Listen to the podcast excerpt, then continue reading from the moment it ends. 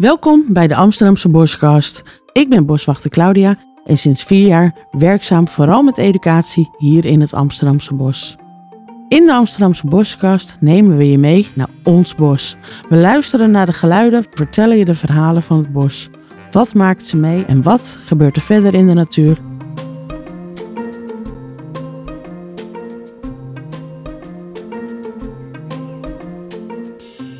Vandaag hebben we een nieuwe gast, namelijk Debbie.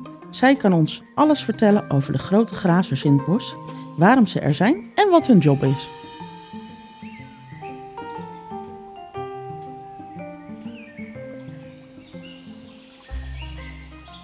Hey Debbie, vandaag voor het eerst bij eh, de Amsterdamse Boskast. Ja, dat klopt. Ja, wat is jouw functie in het bos? Eh, mijn functie is eh, kuddebeheerder en de toezichthouder groen. En wat doe je zo al? Kan je een beetje omschrijven wat dat inhoudt? Ja, ehm, kuddebeheerder is eigenlijk eh, dat we alle eh, hooglanders die wij hebben en alle exmoorponies die wij hebben, dat we die in beheer hebben en dat wij op die manier zorgen dat zij het goed blijven doen hier. Ja, hey, we hadden het net over kuddebeheer en we gaan het vandaag hebben over eh, de grote grazers in het bos. Ja, En wat voor grote grazers hebben we in het Amsterdamse bos? we hebben hier verschillende kuddes in verschillende gebieden. En daarin, eh, die kuddes bestaan uit eh, Schotse hooglanders en uit uh, exmoorponies. Debbie, kan je wat vertellen over eh, hoe die eh, grote grazers eh, hier zijn gekomen? Eh, ja, dit is eigenlijk ontstaan om eh, meer, eh, di- bio- meer biodiversiteit te krijgen in het bos. Eh, we willen minder maaien en we willen maaien op een natuurlijke manier. Eh, toen zijn die Schotse hooglanders hier gekomen. En eh, een paar jaar eh, geleden hebben we ook uh, exmoorponies toegevoegd, omdat die een ander beeld geven qua begrazing. Ja, ik heb ook wel eens gehoord dat er hier eh, schapen liepen. Klopt dat? Ja, heel vroeger zijn hier inderdaad schapen geweest. En eh, die, hebben, die zijn vooral ingezet op de bestrijding op de reuzenberenklauw. Oh, oké. En die eten die ook die reuzenweerklaar Ja. op. Ja, sommige schapen doen dat inderdaad. Want ja, voor mensen zijn die dingen hartstikke... Ja, ja en we hebben een, eh, een plicht om die, eh, om die te bestrijden. Ja, want het is een... Een exoot. Exoot, ja. Inderdaad. Ehm, nou ja, we hebben dan eh, inderdaad de Schotse hooglanders en de exmoorponies. En eh, waarom doen de Schotse hooglanders het hier zo goed? Nou, ze doen het hier vooral goed omdat we hier hebben verschillende soorten voedselaanbod. Eh, zeg maar kruiden, grassen, bomen, bessen, dat soort vegetatie. Ze doen het hier ook goed omdat ze hier verschillende schuilgelegenheden hebben vanwege de weersinvloeden. Dus eh, met zon kunnen ze goed eh, eh, in de schaduw staan. Met de wind kunnen ze, hebben ze beschutting van de bomen. Dus met de sneeuw hebben ze daardoor hebben ze ook dat de wind breekt door de bomen. Mhm. Dus ja, ze kunnen eigenlijk altijd ergens naartoe als wat nodig is. Ja, ja, ze hebben ook gewoon diverse drinkvlekken waar ze goed kunnen drinken. En ehm, eh, uit diverse sloten en, en vijvers. Ja, nou, helemaal mooi. Nou, je vertelde net ook eh, dat we inderdaad de Schotse hooglanders hebben, maar ook exmoorponies. En eh, waarom hebben we dan die exmoorponies als we ook al die hooglanders hebben? Ja, dat klopt. Het grote verschil tussen eh, runderen en, en paarden is het gebit. Het gebit is, is bij een paard die heeft snijtanden. En een rund heeft dat niet. Die gebruikt in ieder geval niet zijn snijtanden om mee te grazen. Runderen slaan hun tong om het gras en trekken het dan uit. En brengen het dan naar binnen toe in de mond. En paarden die snijden het gras af met hun mond. Waardoor ze dichter op het... eh, ja, waardoor het gewas eigenlijk korter blijft. Dus doordat ze zo eh, op, op verschillende hoogtes kauwen, krijg je dus eigenlijk eh, ja, meerdere lagen in het gras, waardoor je dus een, een diverser lands, graslandschap krijgt. Ja, ja, klopt. Je krijgt inderdaad soms wat kale plekken er ook in. Ja, ja, we noemen dat ook wel stierenkuilen. Dat is vaak als die stieren dan komen, dan maken ze daar soms echt een kuil van. Omdat ze dan met die poten aan het graven zijn. En dat is wel heel interessant voor andere beesten weer, die weer gebruik maken van die zandplekken. Oh, dus doordat hun zo aan het, ja, soort van het graven zijn, komen er weer andere dieren, trekken daar naartoe en dan krijg je weer een, ja. Debbie, die koeien die lopen hier nu zo, eh, ja, in het wild om het zo maar even te zeggen. Ja. Die lopen hier vrij rond. Maar er lopen ook gewoon paarden tussen. Nou heb ik wel eens dat eh, bange toeristen mij opbellen en eh, dat ze er niet langs durven. Ja, ja, dat snap ik heel goed. Dat die mensen, want die beesten zijn best wel indrukwekkend. Ze hebben nu de ho- grote horens. Ze hebben ook lang haar, dus ze, zijn er, ze zien er wel machtig uit. Om Nou, maar te zeker. zeggen. Dus, ehm, en het is ook, ze zijn ook semi-wild. Dus Het is altijd gewoon goed om niet de, de kudde te doorkruisen en dan gewoon met een grote boog omheen te gaan en echt afstand te houden tot die dieren. Ja, ja 25 meter hadden we volgens mij aan, ja, toch? klopt. Ja. Het staat overal op de borden als je het gebied binnenloopt. Ja. Oh, oké. Ja, kijk, hier daar liggen ze. Ja. Ze liggen nu lekker ja, in de schaduw. Inderdaad. Ja. De herkauwen nu. Oh, kijk. Ze hebben vier magen, Mhm. dus het komt, eh, komt een paar keer terug.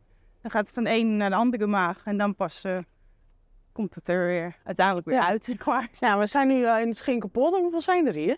Er zijn hier vier koeien en er komt nog een eh, stier bij. Oké. Volgend jaar zijn er weer kalveren. Vorig jaar zijn we, dus nu eh, komen er geen kalveren Nee, dit jaar. dit jaar geen kalveren. Oh, oké. Dus het zijn vier mama's die hier, die ooit al, jongen hebben Ja, gekregen. klopt. Ja, klopt inderdaad. Ja. Ja. Hebben de dieren ook af en toe extra zorg nodig? Of hoe zijn ze in beheer bij ons? Ehm, nou, wij zijn hier echt elke dag, dus ook in het weekend. Wij controleren ze elke dag. Eh daar controleren wij op eh, of, ze, eh, of ze nog gewoon goed ter been zijn, of ze geen wonden hebben, of dat ze er gewoon goed bij lopen. Ehm, deze koeien leasen wij van een stichting. Dus ze zijn, wij zijn niet officieel de eigenaar, wij zijn dus wel de beheerder van die koeien. En ehm, hooglanders, of tenminste, en die exportponies zijn eigenlijk een zelfredzaam ras. En zoals bij die hooglanders houdt dat vooral in dat als er kalverseizoen is, dat de beesten zelf een kalf kunnen geven, zonder dat we ze daarbij hoeven te helpen. Ja, ideaal dus. Ja, eigenlijk wel. En plus dat ze gewoon heel goed kunnen tegen de verschillende weersomstandigheden. Ja. Ja, dat, Nou, nou staan we hier, eh, wat ik al zei, in, het Schenkel, eh, in de Schenkelpolder. En eh, we krijgen dit jaar hier geen kalfjes, maar in het Schenkelbos waarschijnlijk wel. Want daar lopen de koeien, of lopen ook hooglanders, maar ook de ponies. Ja. En krijgen we daar dan, eh, ja, moeten we daar dan nog extra dingen doen dit jaar? Of- Ja, volgend jaar, of tenminste dit seizoen, komt er nog een stier ook bij de, bij de Schinkelpolder erbij. Die, eh, die gaat als het goed is inderdaad koeien weer dekken. Dus Oh, kijk. ja, daar weer, eh weer Schotse hoofdmannetjes, kalfjes. En de ponies zijn eh, vijf ruinen. Dus dat zijn gecastreerde hengsten. Oh, kijk, dus daar kan, daar er helemaal geen klein jong van. Nee. Ja, dat scheelt dan ook weer. eh dan blijven ze altijd gewoon lekker met z'n vijf staan daar. Ja, precies. Ja, Ja. dat is wel de bedoeling. Tenzij we bedenken van, eh van joh, er kunnen er meer bij of er moet er minder af. Dat, dat kunnen we allemaal regelen. Maar nu is vijf is een mooie balans Ja. met, met de runderen. En wat eten die, wat eten die ex-moponies zoal? Nou, eigenlijk eten ze een beetje hetzelfde als de runderen. Behalve dat ze eigenlijk meer grassen eten. Ze eten eigenlijk meer grassen en kruiden.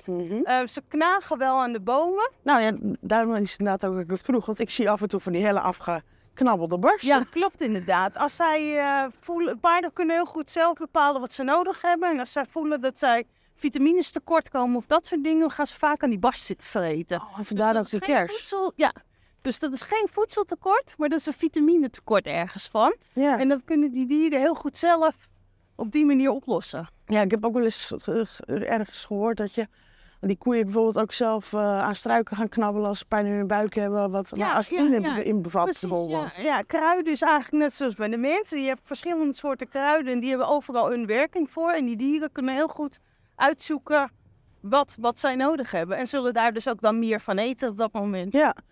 Hoe lang doe je dit al, Debbie? Ehm, ik werk nu negen jaar hier in het eh, Amsterdamse bos. Eh, daarvan doe ik ook nog negen jaar de Hooglanders. Dus eh Ja, negen jaar. negen jaar.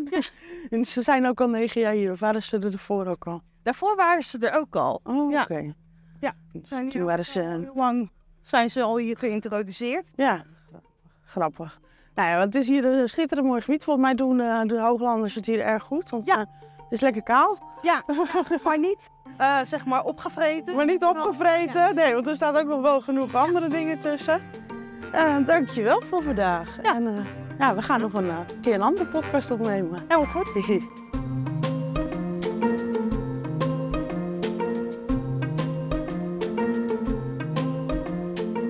Bedankt voor het luisteren naar de Amsterdamse Boskast. Heb je nou nog een vraag over het Amsterdamse bos? Dan kan je deze vraag stellen via de Boswinkelmail. Deboswinkel.amsterdam.nl Vermeld wel even in de titel Boskast, dan weten we dat de vraag van jou is en wie weet behandelen we hem in de volgende Amsterdamse Boskast.